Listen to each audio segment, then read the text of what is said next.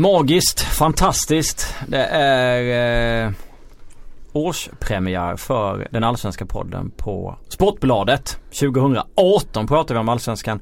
Har inte dragit igång än men vi sitter i alla fall här och eh, laddar för fullt. Eh, Allsvenska podden kommer den heta även i år. Den har ju hetat Jönssonligan en gång men den blev så extremt trakasserat av Robert Laul. Så att jag slutade säga det. Robert Laul som faktiskt by the way har sin bok på gång. Jag tycker ni ska titta på Titta närmare på den. Jag tror att den kommer bli bra. Den kommer snart ut eller kanske börja säljas. Ja, strunt i Robert Laul. Jag ska presentera Frida Fagerlund istället. Välkommen. Tack så mycket. Eh, ska du läsa Robert Lauls bok? Eh, ja, det ska jag absolut göra. Vilken press jag fick nu. Ja, du känner det? nej. Ja. nej, men det, det, tycker jag väl man ska göra. Det är många intressanta mm. fotbollsavslöjanden får man väl ändå säga. Mm.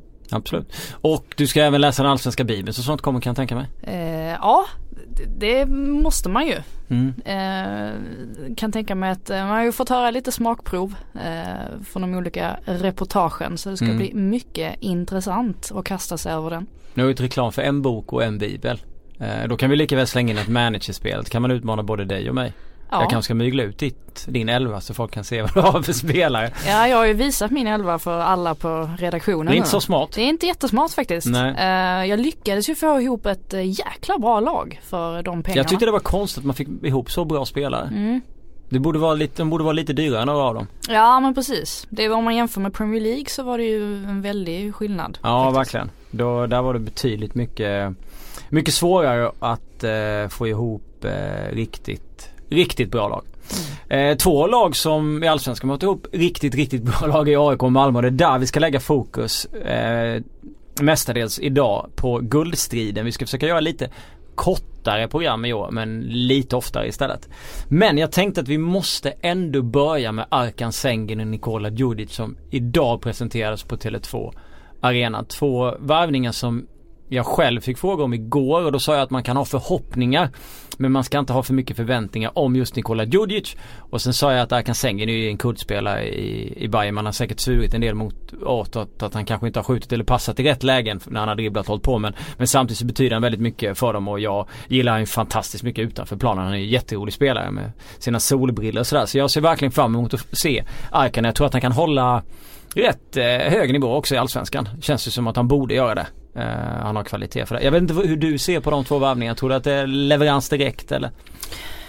Jag vet faktiskt inte. Um, konstigt nog så uh, absolut Erkan har, uh, alltså å ena sidan har han jättemycket erfarenheter mm. från internationell fotboll och från landslag och han Eh, när han är som bäst så är han ju jättebra. Nu har han ju inte spelat match på ett tag. Men eh, jag menar det är ju försäsong för, för hela allsvenskan så att det ska väl inte spela in så mycket. Um, Däremot är ju frågan hur mycket han hinner hjälpa Hammarby för ja, det är ett precis. ganska kort kontrakt. Det är ju mm. bara fram till sommaren. Um, vi får väl se som sagt jag jag tycker att det känns ganska osäkert ändå. Mm. Um, det ska bli spännande att se om det är värt pengarna. Nej. Nej det är just det som är problemet för att han har ju inte spelat på vad var det två månader mm, januari någon gång. Ja. Och sen har han inte tränat med dem. Uh, han gjorde sin första träning idag så han känner inte så många av spelarna. Uh, två veckor så börjar uh, allsvenskan och det finns ingen direkt trygghet skulle jag inte vilja säga. Hammarby spel har vi inte sett av på försäsongen. Så det är mycket möjligt att han, han kanske inte hinner göra så mycket mer än två, tre bra matcher någonstans innan sommaren. Och då är det, då är det svårt. Mm. Men det beror ju på också. Vissa fotbollsspelare har ju en bra anpassningsförmåga och har kvalitet så det spelar inte så stor roll när de kommer in eller hur de kommer in. De kan leverera ändå. Frågan om Arken är det. Ehm. Jag tror att det som gör mig mest förbryllad är väl att um, Alltså om man har tittat på vad det är som inte riktigt har funkat för Hammarby så kan man ju peka på att det har berott lite på skador på vissa eh, spelare. Som till exempel Mats Fenger, mm. eh, mittback. Och då kan man ju ställa sig frågan om är det verkligen fler offensiva spelare som Hammarby behöver? Nu tar man in ytterligare två offensiva spelare. Eh, det är väl i så fall det som gör att man blir kanske inte blir extremt, extremt glad eh, när man hör, eller glad men alltså extremt eh, exalterad eh, när man hör att de plockar in både Djurdjic och, och Sengin. Men eh, det är väl klart att de de borde förstärka Hammarby, det är väl ingen tvekan om det. Sen som sagt det är ju frågan om det verkligen är de här två pusselbitarna som Hammarby behöver för att lyfta sig. Liksom. Det beror på lite med spelare. Jag fick en tanke av när, när man såg vissa av dem som spelade på mitten och i backlinjen inte riktigt ville slå den där bollen som Björn Paulsen vill ha. Du vet när han springer i straffområdet så har vinkat lyft högt, lyft högt. Det, det går ju lite emot. Det känns som att då får de väl flytta tillbaka honom nu och spela en annan typ av fotboll. För det känns ju inte som att det rimmar så bra ihop med den idén som vissa har. Att man ska spela lite, spela lite mer fotboll än att bara lyfta långt. Eh, jag har lite svårt att se vad, riktigt var de är på väg. Mm. Det var liksom lite den uppfattningen man fick när man, när man har sett dem under försäsongen. Till exempel mot Gais och så vidare. Ja men precis och jag, jag vet att Jesper Jansson pratade mycket om det här Eh, just att det är så få spelare i Hammarby som har varit i klubben under mm. lång tid. Alltså det är ju Kennedy som sticker ut. De andra har ju i princip bara varit där sedan ja, 2015 är väl som längst. Um, så Erkan Sengin med hans bakgrund då i Hammarby så är det jättepositivt såklart att han ändå kommer in med någon sorts vetskap om vad mm. den här klubben står för och vad, um, vad det innebär att spela i en Hammarby tröja. Um, det är väl i så fall kanske en positiv aspekt av att få in honom och kanske kan ingjuta lite eh, ja men få de andra att höja sig på planen för det är ju ganska många spelare i Hammarby som vi sitter och väntar lite på att mm. de ska blomma ut och det, det hände inte i höstas riktigt. Varken med Muammar Tankovic eller Sander Svensson eller så här. Um, vi får se om de kanske också kan, kan få en positiv injektion av att en sån spelare som Erkan kommer in. Mm. Det blir intressant hur de formerar det där mittfältet också eller precis bakom anfallen. Khalili har ju spelat lite och du har Tankovic och du har Kennedy lite längre ner och du har Hamad och det finns ju en del alternativ. Ja, extremt svårt att veta vad, tänkte på det när man satt och tippade tabellen. Hammarby är ju Vad, ett av de lagen man de? inte, eh, åtta tror jag till slut. Ja, jag la de nio. du gjorde det. Ja. Um, tror jag det var det. Ja, och, och, jag känner väl att det möjligtvis är en sån tippning som man kan få extremt fel om. Ja, det, man kan få en rejäl snyting där. Ja, precis. För att tittar man på potentialen i spelartruppen så borde de ligga högre. Ja. Eh, problemet är att man vet inte om Stefan Billborn och Jesper Jansson för den delen kommer få ihop Nej, det här. Liksom. Nej. Vi äh, lägger Bayern åt sidan. Vi lär ju komma tillbaka till dem under säsongen. Vi fokuserar på Malmö FF först och främst. Vann ju förra året så det är klart att vi ska börja där. du var på deras läger. Mm. nu var det ett, ta ett tag sedan. Om du skulle välja en bit som du valde ut eller därifrån som du har sett fortsatt vara bra fram till nu. Utan att gå igenom hela läget och hela försäsongen. Men det är något mm. du har speciellt du har tänkt på? Eh, det första jag kommer att tänka på är Fouad Bachirou. Eh, fanns en liten osäkerhet ju kring honom. Eh, han gjorde jättebra i Östersund men hur skulle det se ut i, i Malmö FF? Eh, jag blev jätteimponerad av honom särskilt i mötet med New England som ändå är mm. en är ett MLS-lag och visst nu hade de många spelare som var där på eh, provspel och skulle drafta sen och hela den där eh, historien. Men eh, jag tyckte han, han imponerar extremt mycket och just det här att han är så himla lugn och han eh, han hetsar inte upp sig, han levererar bollarna och det är nästan så jag tycker att Oskar Lewicki blir ännu lite bättre bredvid Bachirou. Eh, det känns som att de är oerhört samspelta med varandra eh, och har blivit det på oerhört kort tid. Eh, synd nu att Lewicki är skadad mm. inför mötet med, med Östersund på lördag. Det hade varit kul, och, kul att se honom på plan också. Annars är det väl kanske Alexander Jeremejeff också. Ja. Som har stuckit ut. Men han har ju, och han har ju fortsatt att sticka ut under Svenska Kuppen också. Om vi kollar på deras lag. Johan Dahlin är ju eh, given målis. Sen har de ju en, en, en, fin backlinje. Det kan man inte snacka om. Jag tycker väl att eh, ja, den ser ruskigt bra ut med Lasse Nilsen och om även då Rasmus Bengtsson mm. får vara skadefri. Sen har man Frans Brorsson som definitivt är en allsvensk back. I, I, andra lag skulle han ju ta en tröja. Eh, men här får han ju inte en tröja om de två lirar. Jag tyckte de såg bra ut mot, mot Göteborg också. Sen har du Windheim som var, har varit bra till höger. Så Erik Larsson är ju en jättebra reserv. Egson Binako var fantastisk mot Göteborg. Och man har Safari där som kan spela. Alltså backlinjen känns ju superbra verkligen. Mm. Sen var det ju osäkert för jag tyckte det kändes eh, från början som att Erik Larsson skulle komma in och ta en tröja eller en startplats direkt. Jag trodde jag också. Ja. Ehm, och sen så har ju Windheim, jag tyckte nästan lite synd om honom för han har ändå stått lite i skuggan nu ett par år ehm, och nu kanske liksom hans chans skulle komma.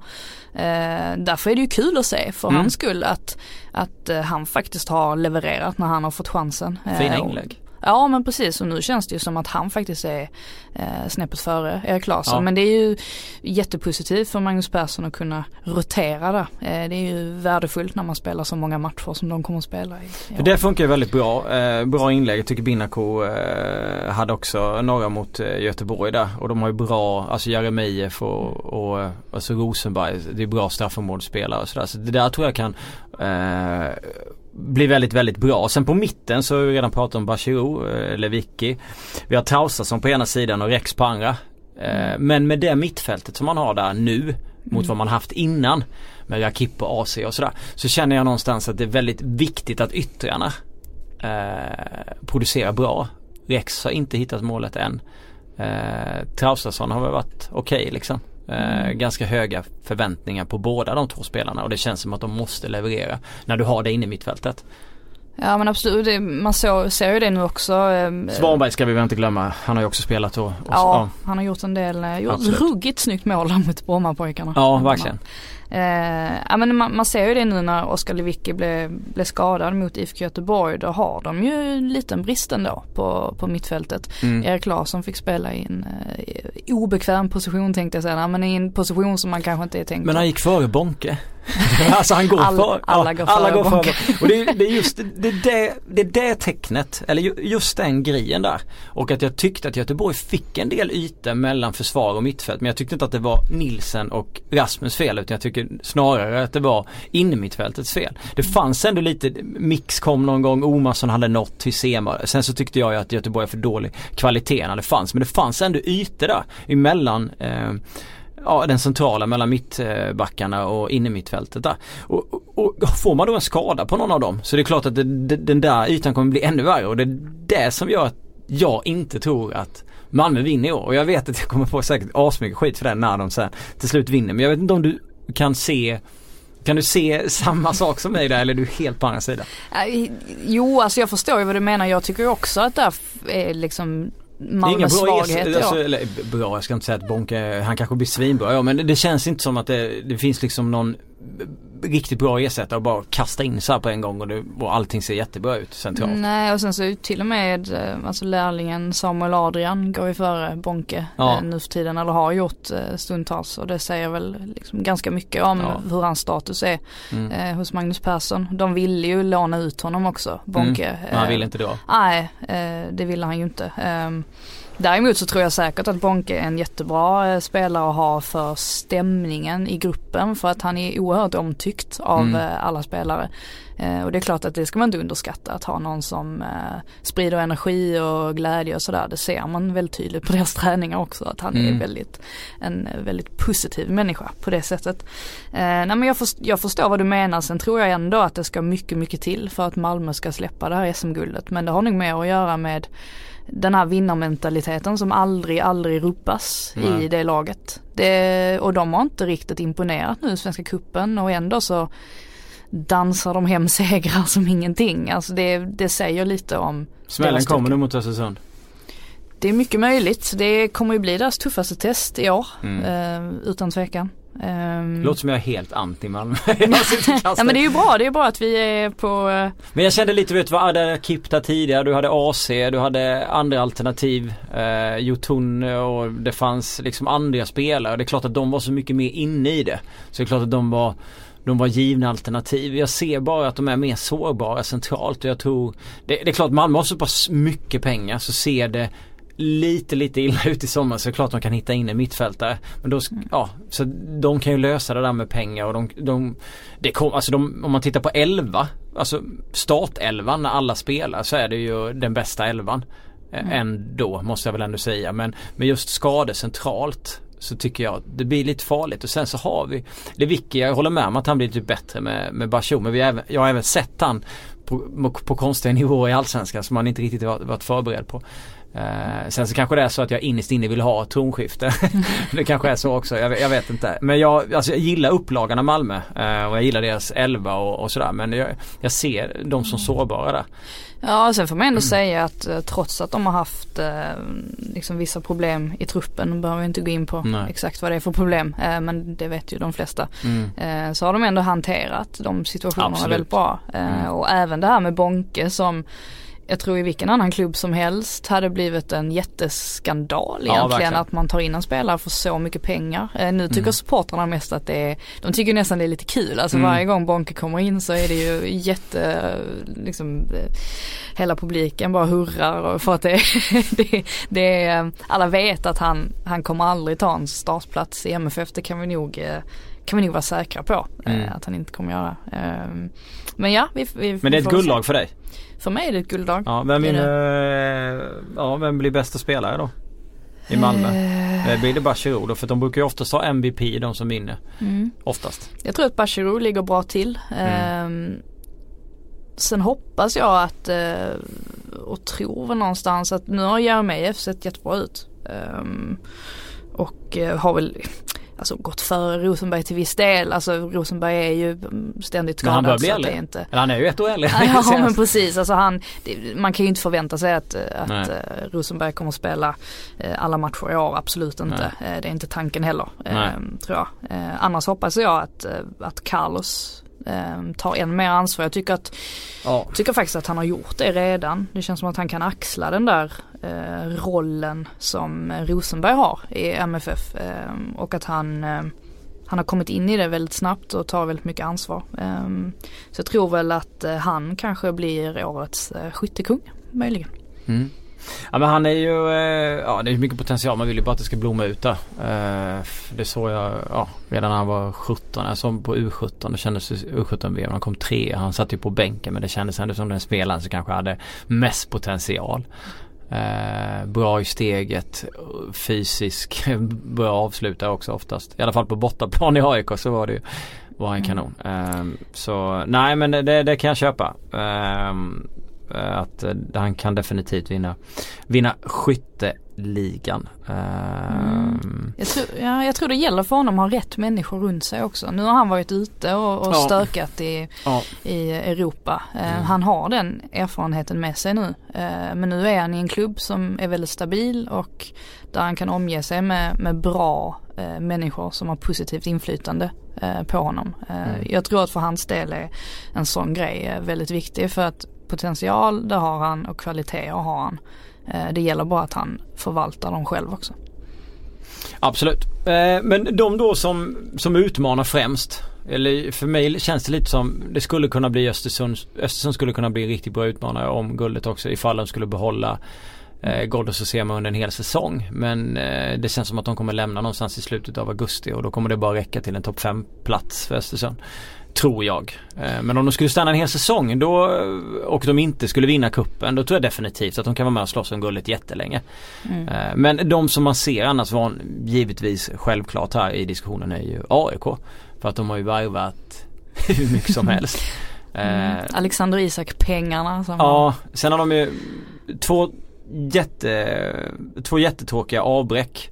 Eh, Nils-Erik Johansson för hjärtat. Mm. Eh, Jesper Nyholm här om dagen. Eh, brutet ben. Mm. Um, och det är jättetråkigt uh, att det sker. Uh, och det, det är två spelare. Nyholm var ju, han spelade över 20 matcher förra året. Mm. Uh, och var jättebra under många av dem. Ehm, sen så var han väl lite mer skakad än andra. Nils-Erik Johansson betyder hur mycket som helst för AIK. Mm. Det är alltid den där det är killen som man tar innan det blåser. Det gör det ganska ofta i AIK men han är ex, alltså betyder extremt mycket smart spelare trots att han inte är så snabb så är han på rätt ställe och du vet så mm. du, du, kan honom så du vet. De har fått in Alexander Milosevic eh, och han är också väldigt mycket AIK. Det är inget snack om saken. Han är ju typ kaptensmaterial egentligen. Även om han nu bara kommer vara där ett år som det ser ut. Så försvarslinjen är väl eh, det känns som att den på sikt under säsong kan bli lika bra. De tre därför Per Karlsson är kvar. Men just mm. nu här med korta resultat så, så, känns det som att det kan ta lite tid. De, kan bli, de är lite sårbara innan det, innan det sitter med, med dem. Jag vet inte om du håller med mig om just trean där bak. Eh, och jag tror, på ändringarna. Jag tror nog alltså Björn, Björn Westström han eh, reagerade ganska starkt som jag förstod det på, på Nyholms skada. Just för att det är ju mm. ett jätteavbräck. Man vet mm. inte riktigt Joel Ekstrand om hur mycket han kommer få spela i år eller hur mycket Nej. han kan spela framförallt. Han är ju otroligt skadebenägen och så som jag uppfattade så så har Joel eh, en liten annan roll i AIK i år. Att han mer ska bidra med sin erf erfarenhet och äh, ålder tänkte jag säga. Nej, men äh, hans vishet som fotbollsspelare äh, och pusha de yngre. Äh, mer än att han ska vara någon sorts äh, startspelare. han har gjort några minuter. Ja men precis. Men det är frågan hur mycket han kan, hans kropp klara av i år. Ja så det är klart det var jätteavbräck nu och både Nisse och Nyholm. Eh, mm. Men jag tror alltså just att få in Alexander Milosevic det är ju ingen dålig ersättare ändå eh, får man säga. Man lyckades ju men det är ju nästan det bästa tänkbara. Det är ja, en som AIK-fansen gillar, det är en som känner AIK, det är en som älskar AIK och Precis. det är en som Ja, ja, det är inte så att han har Alltså att han är typ 35 och på dekis heller utan mm. ja Han vill ju framåt, han har ambitioner. Han skrev ett år för att han vill vidare utomlands. Så att, och han, ja, det är väl att han inte har spelat på ett tag men ja, Det där borde han kunna lösa tycker jag. Ja. Han såg, såg inte dum ut i, när han kom in heller. Jag tyckte Nej. att han skötte sig bra. Absolut inte. Eh, det är väl alltså i AIK så är det väl just det här hur, hur Norling ska, ska få till alla offensiva mm. pusselbitar han ja, har att jobba med nu för att de är ju överflöd. Eh, han har ju mixtrat lite nu mm. under kuppen och testat lite olika grejer. Eh, det är väl skönt för dem på det, på det sättet att de redan har säkrat eh, säkrat eh, en Europaplats. Nu, nu väntar i och för sig derby, det är en helt annan grej. Mm. Alltså då går man, då går man in till 100% mm. för att vinna ett sånt såklart. Eh, men eh, eh, nej, det ska bli spännande att se hur de ställer ut mot Djurgården för att då borde det rimligtvis vara den uppställningen som Norling antar kommer vara den bästa för AIK. Ja tyvärr blir det inte det för Enok Kofiado är avstängd. Så han kommer inte... Minus. Ja det är ett jätteminus. Eh, men de, de har ändå rätt bra uppbackning. Kristoffer kan ju, kan ju spela där. Eh, men sen tänker man då, eh, jag tycker att Lundström har sett, han såg jättebra ut nu senast. Jag tycker att han liksom växer in i sin roll och så har Rasmus Lindqvist till vänster där och sen i mitten då Ado Olsson och vem det nu blir. Och sen mm. i anfallet så tycker jag väl att Goitom i nästan alla fall när han kan så ska han spela.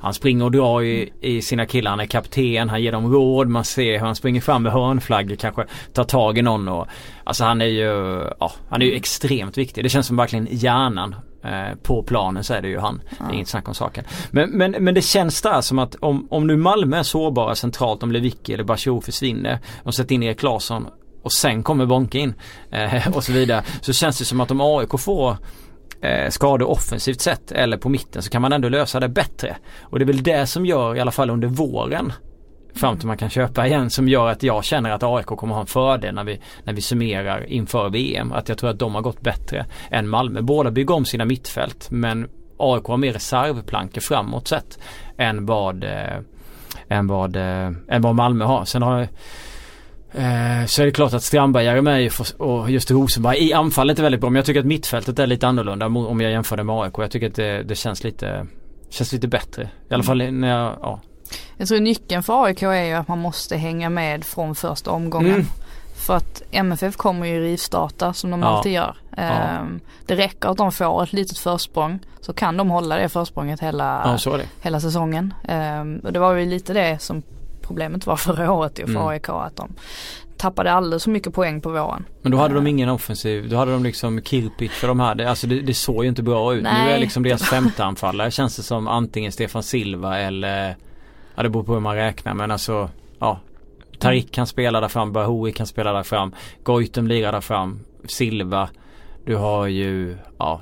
Absolut. Sen gäller det, det är väl klart att man eh... gäller att få dem, hålla dem glada va?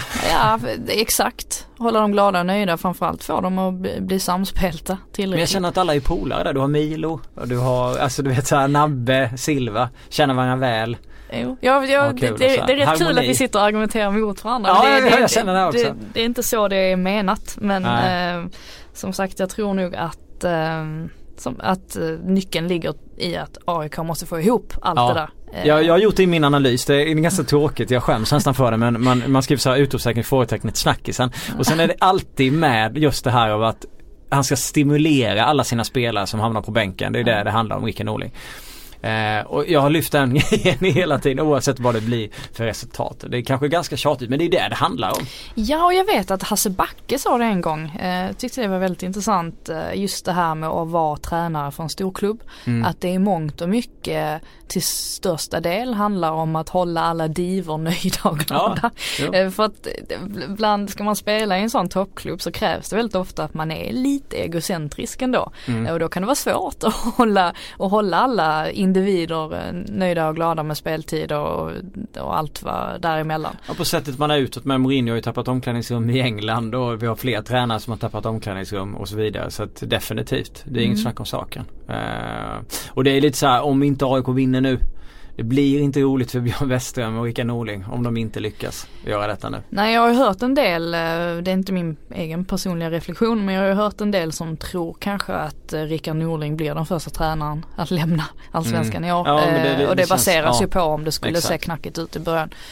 Då kommer ju säkert AIK agera men ser det bra ut, ja då har de ingenting att Nej. klaga på. Och jag tror att Rickard grejar det här. Jag tror det är typ AIK förra året också med Kirpic. Hur kunde jag göra det? Jag vet inte. Du bara Kirpic har sett bra ut. Nej men det var Spännande. Bränning sagt faktiskt där du sitter nu och tippade Kirpic som skytteligavinnare. Från, ja från ingenstans. Han, han, ville, han ville ta någon eh, bara så här, eh, från nowhere. Men nej, och, och det, just anledningen till att de kanske kan få den här fina, fina starten å andra sidan tycker jag väl är just att Ado ser så bra ut som han gör.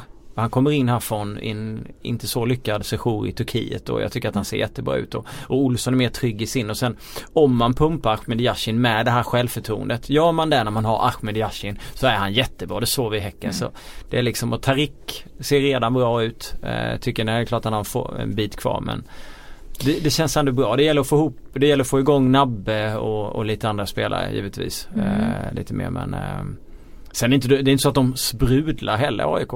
Jag, jag, jag, kan inte, jag kan inte riktigt ge dem det även om jag tyckte det såg bra ut mot Örebro. De dominerade ju den matchen mm. men det var ju, Örebro såg ju, det var katastrof på deras vänsterkant första kvarten och sen så fick de det här röda kortet och sen matchen blev med en annan karaktär med tanke på Nyholms skada. Man såg det på spelarna, man hörde det efteråt. De hade svårt att liksom mm. eh, fokusera och sådär. Men nej, eh, just bredd.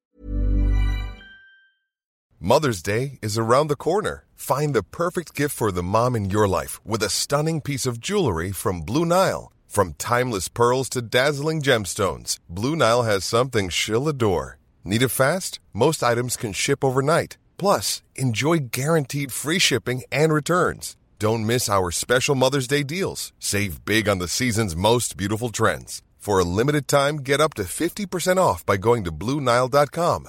That's BlueNile.com. Den summerar jag, eh, jag, jag, jag, tror att den kan eh, bli viktig. Sen som sagt så har ju Malmö plånboken. Och jag tror att det kommer bli så att de kommer varva någon, någon i sommar. De mm. har ju Champions League och AIK för den också Cup eller ja, Europa League och sådär. Så det är väl lite där det, det brukar avgöras. Mm. Om man tappar för mycket, för mycket bra spelare eller inte kan fylla på med rätt och de inte får den utväxlingen. Nej men absolut, det håller jag med om. Ja. Så vi är väl på varsin sida men det är nog rätt många som är där. Eh, ja, det är svårt. Ja. Det, det, är ju det. Eh, det känns ju det, om man ska prata om huruvida MFFs avstånd har, eh, om de har dragit ifrån eller om de mm. har stannat av eller backat så kan man kanske säga att de har backat lite. eller ja. inte backat men stannat av i alla fall i ja. förhållande till AIK eftersom ja. AIK har värvat som de har gjort. Eh, men med det sagt så tycker jag fortfarande att MFF är före. det tycker jag. Stefanelli glömde jag nämna också. Också en kille som sitter mycket bänk. Hyfsad, eh, hyfsad bra eh, anfallare att ha på bänken alltså. De har alltså, offensivt sett Goitom, de kan spela med Nabbe, de kan spela med Stefanelli, de kan spela med Stefan Silva, de kan spela med Denny Avdic. De kan leva ganska, Tarik skulle de kunna ha där också. Mm. De har hur många alternativ som helst. Uh, och det är inget snack om att Avdic är längst ner i, i den rangordningen. Uh, han har inte fått, vad var det jag räknade ut, att han har fått sju eller åtta matcher som anfallare sedan han kom på 60. Så att han har inte fått så jättemånga chanser. Men men, men uh, det är Rickard som bestämmer. så det väl inga konstigheter. Mm. Ja, eh, ska vi ta lite frågor innan vi rundar av? Jag försöker Kan vi hålla ner de här eh, avsnitten. Vi kommer komma tillbaka och prata om de andra lagen. Det är inte så att vi gör ett avsnitt där vi bara pratar om två guldaspiranter och sen skiter i det. Så, så dryga är vi inte. Så att vi kommer definitivt ha, eh, ha eh, avsnitt om de andra lagen. Det är tur att vi inte är stockholmare i alla fall. Alltså så att de tror att vi, vi blir för Stockholmsfokuserade. Då kan vi inte, vi kan inte skylla på det i alla fall. Nej precis. Ja. Nu har vi, nej exakt. Eh, Karl Malmqvist, i vilken omgång säkrar Östersunds FK guldet? Eh, ja, men det, är, det är en rätt intressant frågeställning ändå för att Östersund är ju Östersund eh, Mm. och med det laget eh, de har just nu eh, så tycker jag absolut att de är en guldkandidat. Men vi sitter ju bara och väntar på att det här laget ska splittras också. Ja. Det gör vi ju. Ja. Och även om jag tycker att Dino Islamovic är en jätteduktig anfallare och jag menar Teki är ju, han ser ju jättespännande ut. Han såg Och spännande ja, ut kommer vara bättre. Eh, Aiesh tror jag lätt Ja. kommer få sitt genombrott eh, Ja. i år och säljas för dyra pengar han också till slut. Eh, men den här stommen med Ghoddos och, eh, och Sema och så vidare, ja och Papagiannopoulos också för Mm. den delen. Splittras den Ja. så tror jag att det kan bli lite tufft ändå för ÖFK. Eh, I alla fall att vinna, det skulle vara en helt otrolig. Ja det är det jag ja, menar, så ja. nu menar jag inte, jag tror fortfarande att de kommer att vara med där uppe. Det tror jag. Ja det tror jag. Eh, Topp 5 kommer de Mm. oavsett om, eh, kanske, oh, topp 5 kan de nog klara om de blir av med alla tre. Tror Mm. jag. Eller?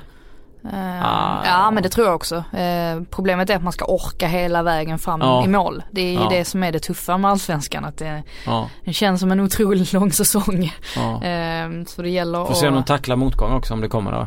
Det är också intressant. Exakt för det har de ju inte haft så nej, mycket inte, än. nej inte på det sättet. De, de spelarna har haft dem innan. Det Mm. vet vi för att ja. Men eh, ja. Anton Svensson, varför kommer just Paulinho vinna allsvenskans skytteliga? Det är inte helt omöjligt. Eh, jag tycker att Häcken är, jag var ju så Underskattat. Eh, underskattat absolut. Det, Mm. det tycker jag det är de ju nästan alltid. Eller de går ju lite under radarn. Eh, får man ju säga ändå. Jag var och såg matchen mot Djurgården och det var absolut ingen dålig insats från deras sida. Frågan är väl bara om, jag tror ju inte att det spelet vi fick se mot Djurgården att det riktigt kanske är så som Andreas Alm vill att Nej. Häcken ska se ut. Där är ändå en del att, att slipa på. Eh, och rätt kul också när man frågade Rasmus Lindgren eh, vad han själv trodde om man ska tippa, eh, fråga liksom om man ska tippa den allsvenska tabellen, var, var hamnar Häcken då? Ja, allt mellan 1 och 8 och det, det säger väl lite också Ja. ja. någonting om, om Häcken att eh, det är ganska mycket som är ovisst eh, så det ska bli spännande att se dem eh, matchas mot eh, riktigt bra eh, motstånd för att se liksom Mm. var nivån ligger. För att, Mm. eh, men med Paulinho så är det självklart att eh, det är jättevärdefullt att få behålla honom. Mm. Såklart. Absolut.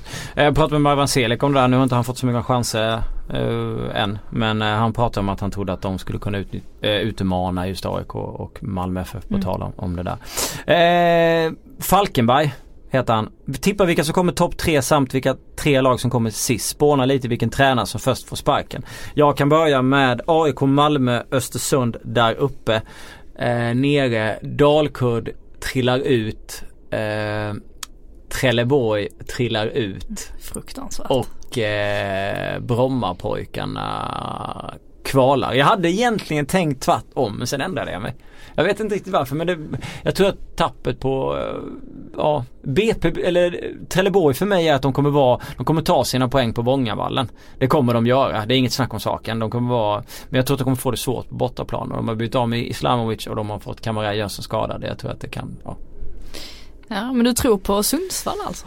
Det Jag tror de annars- håller sig kvar. Jag tror att den spanska revolutionen och en smart Joel Cedergren grejar det. Eh, ja. Eh, Mm. Å andra sidan så känns det som att man sitter varje år och tänker att nu måste GIF Sundsvall åka ur. Så är Men det. det händer inte. Nej. Eh, jag har ju tippat, eh, jag har ju nästan samma i toppen. Eh, jag har ju MFF som eh, guldvinnare, AIK, Östersund. Mm. Eh, I botten, nu måste jag tänka så jag inte säger fel. Jag tror att jag hade Sundsvall längst ner. Eh, BP näst längst ner. Och sen eh, Sirius på kvalplats tror jag. Mm.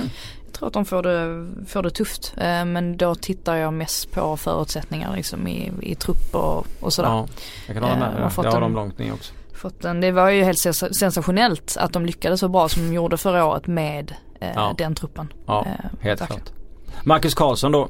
Känns som att många experter inte tippar Trelleborg i bottenstriden. Hur kommer detta sig? Du gör ju inte det så att du får svara på det. Eh, nej men jag tror, jag tror eller? Exakt. Jag tror det grundar sig någonstans i att eh, Trelleborg eh, är en, för närvarande en väldigt eh, välmående klubb i grund och botten. Eh, och det ska man absolut inte underskatta. Det är väl lite därför jag tippar GIF Sundsvall i botten också. Just för det här stöket eh, Mm. på, ja men med ekonomin till exempel. Jag tror att det spelar in Det någonstans. kan absolut göra. Eh, och Trelleborg de har liksom hittat tillbaks till sin, till det gamla som de körde med på slutet på 80-talet, början på 90-talet. Det här med att man hittar spelare lokalt. Man har värvat in några riktigt spännande namn som Lasse Nielsen eh, till exempel. Inte den Lasse Nielsen Nej, men eh, roligt. en annan Lasse Nielsen från Lech Poznan till exempel och stärkt upp eh, försvaret på det ja, sättet. Det, det är en bra värvning. Ehm, så att eh, nej, jag, jag tror faktiskt att de kommer klamra sig fast. Jag tror inte att de kommer högt men jag tror att jag tippade dem som tia. Ja, men jag, jag vet att jag hade dem högre upp men sen eh, tror jag ner dem. Jag bara fick en dålig, dålig feeling. Men det är Ja. lite, alltså, grejen med Sundsvall är det att eh, jag håller med dig om det. Alltså om den spanska revolutionen inte funkar. De här spanjorerna som har kommit in. Då är det ju, det är fritt fall för att de har ju kommit ha några pengar till att liksom fixa det och Danielsson och Erik Larsson har dragit. Så funkar det inte för Joel med, får han inte igång dem på rätt så kommer de ju Mm. åka ur, det är inget snack. Ja precis, även om jag tycker synd om Joel Cedergren. Jag har ju alltid, vi, ja, vi har ju alltid pratat gott om försvarat, honom. Vi har eh, pratat gott om försvarat honom. Eh, Marcus Moberg frågar skytteligavinnare och, och MVP och så vidare. Du sa väl Bachirou? Sa du Bachirou på MVP? Eh, ja, jag, jag var väl lite i valet och kvalet. Ja, precis. Uh, Strandberg på skytteligan. Ehm, ja, jag säger väl Bachirou som MVP då. Ja, då... Men jag tror dock inte, han kommer inte göra så mycket poäng. Nej. det, så det beror lite på vad man vill få ut av en MVP, alltså vad man ser som en MVP. Eh, däremot, jag tror han kommer vara jätteviktig för Malmö. Så. Ja, jag tar ju Ado då. Eh, och sen så hugger jag, eh, jag tar också Strandberg. Jag tror ändå han kommer vinna skytteligan även om jag tror att AIK vinner. Han är, han är, ja, han har så god potential den, den killen. Ja, det, det skulle ju vara IFK Norrköping, nu har vi inte sagt någonting om dem. Eh, jag har ju tippat dem väldigt högt upp i tabellen också. Eh, Super-Jordan. Ja, Super-Jordan och Super-Tern. Ja. Eh, jag tror att de kan bli en superduo. Ja, Eh, så där kan vi väl också räkna med att det förmodligen kommer finnas någon i Norrköping som gör oerhört mycket poäng. Det tror Mm. jag. Två frågor kvar, sen kommer jag runda av. Ludvig Stynsberg, vilka talanger känns närmast genombrott i år? Svanberg, Iran Dust med flera. Jag tycker ju, alltså vad, vad är egentligen en talang? Finns det Mm. någon åldersgräns på det? Eh, för annars tycker jag ju som vi tog upp innan med Aiesh, jag tror att han Ja. kommer få sitt genombrott i år. Eh, han fick egentligen till viss del sitt genombrott förra året men jag tror att eh, han har hamnat lite i skuggan av, av Ghoddos och Ken Sema av att de eh, har sett så extremt bra ut. Men jag Jordan vet ju, Larsson fortfarande en talang? ja men exakt man vet ju inte Nej. riktigt vad, vad räknar Får man som dra honom som en talang eller måste det vara Bilal Hussein som är en sån? Ja, men- alltså det, ja. det, det är svårt att säga för att Jordan är inte gammal så Nej. att men eh, jag, jag tror att Jordan kan eh, slå igenom lite mer eh, det här året. Sen, sen vet jag inte eh, angående Svanberg. För jag vet inte hur, men han kommer ju få spela en del och han ser ju bra ut. Så att han kommer säkert vara, vara jättebra. Ehm, det tror jag definitivt. Mm. Ja, det ska bli kul också att se Simon Tern nu som eh, rimligtvis borde vara extremt revanschlysten Mm. med tanke på förra säsongen som blev Det blev ju en besvikelse för, Ja. för honom. Eh, och på många sätt, jag tycker det är intressant också när man frågar eh, både allsvenska tränare och sportchefer och sådär vilken spelare du helst velat ha i din, i, i din klubb som du inte har. Det är rätt många som säger Simon Tern Mm. ändå. Eh, och det tycker jag är lite intressant. Eh, därför ska det bli kul att se om han nu kan få vara lite mer i rampljuset eh, så som han inte blev Mm. i, under Rickard Norling förra året. Jag vill också se hur eh, Bilal, om hur Bilal eh, Hussein får några chanser och även Kristoffer da Grasa. Du gillar, i gillar Kristoffer de Grasa. Ja, vi, ska, vi, vi kommer återkomma till honom senare i, i, i år. Ursäkta. Sen sista, sista frågan, den är lite längre. Isma Abokor ställer den här. Hur ser ni på IFK Göteborg och Djurgårdens anfallssituation? Är rätt uppenbart att Tino samt Elias O inte är tillräckligt skarpa och målfarliga straffområdet. Känns som båda lagen skulle behöva en Kjartason typ av striker. Och jag kan inte mer än hålla med till, ja, fullt ut. Då. Jag tycker inte att Omarsson det är klart att han var ju på väg bort där så såg han pigg ut på, i, några, i några matcher och gjorde lite mål och sådär. Men jag ser inte han som, som en striker på det sättet som de hade Lasse Vibe som gjorde mål liksom på allting och jag tycker även att Tino behöver på tok för många målchanser för att till slut göra mål även om det har trillat in några på slutet. Så att jag håller definitivt med om att de, de skulle behöva båda lagen. Och det är de ju medvetna om. Göteborg är ute och letar och jag, jag tror att Öskan sa väl fram till den här 6-0-segern mot Degerfors varenda gång att han Ja jag kunde tänka mig att ha en nia. Sen skrattade han och tittade på mig efter PKn att Ja den här eh, du, kommer, du glömmer inte den här frågan men nu är det inte lika lätt. Du vet han skämtar men det är lika lätt att, att ställa den. Jag vet inte om du håller med mig om att båda behöver Eh, jo, eh, och jag kan ju nästan tycka att det är lite konstigt att eh, Tino eh, har gått före en sån som Budgie till exempel mm. i varenda match. Mm. Eh, det är nästan som man börjar tro typ att Öskan signalerar ja, någonting. Ja, jag vill ha honom. Eh, ja, ja, precis. Att, att titta här Bosse. Ja. Han kan Eller tvinga inte... Bosse honom att spela. För att han en gång har sagt att det är den största. Det är mycket möjligt. För att Bosse tycker oerhört, oerhört mycket om Tino. Det är, mm. det är väldigt, väldigt tydligt att det är ett känslomässigt band eh, mellan honom och Tino. Eh, jag tycker också att de behöver in en, en anfallare eh, om de ska vara med där uppe i år igen eh, mm. och, och fightas. Ehm, ja, sen vem det skulle vara, det, det är ju svårare men det snackas rätt mycket om en sån som Buya Turay liksom, som, mm. som bara liksom svävar runt ja, här i, i periferin eh, och som finns tillgänglig. Bra eh. omställningsspelare också. Skulle, ja, men, skulle det verkligen funka i Göteborg? Ja eller ja, han, nej inte nu när man har tänkt om. Hans högsta nivå är ju verkligen, verkligen jättehög. Hans ja. lägsta nivå däremot, den är lite skakigare. Mm. Han är väldigt ojämn. Eh, eller var jag av sig förra säsongen. Eh, men nej, vi får väl se vad som händer. Det lär ju hända någonting tycker man innan eh, säsongstart. Ja, definitivt. Mm. Eh, tack för att ni har lyssnat på den här premiären för 2018. Eh, ja, Allsvenska podden på Sportbladet. Tack så du ha Frida. Vi är tillbaka nästa vecka. Vågar jag utlova. Oj. Ni får ha det så bra till dess.